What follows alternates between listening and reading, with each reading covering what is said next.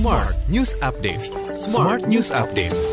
Hai Smart Listener, saya Maria Delsa dalam Smart News Update edisi Senin 31 Oktober 2022.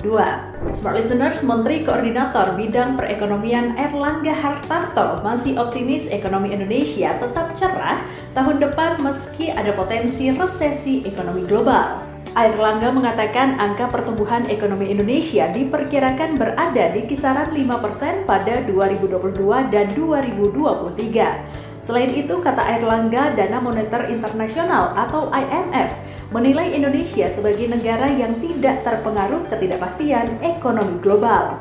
Berita selanjutnya, Kementerian Kesehatan menargetkan implementasi platform saling pengakuan sertifikat kesehatan digital di negara-negara G20 terjadi pada kuartal pertama 2023.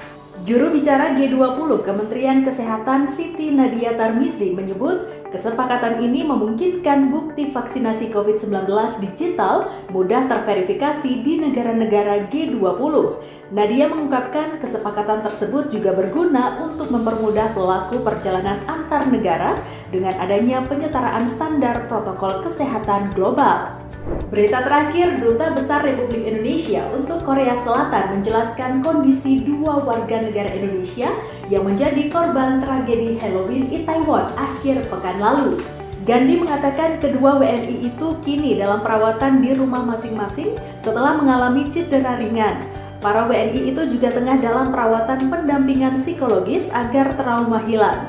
Gandhi melaporkan jumlah korban tewas imbas tragedi Itaewon sejauh ini tercatat ada 154 orang tewas.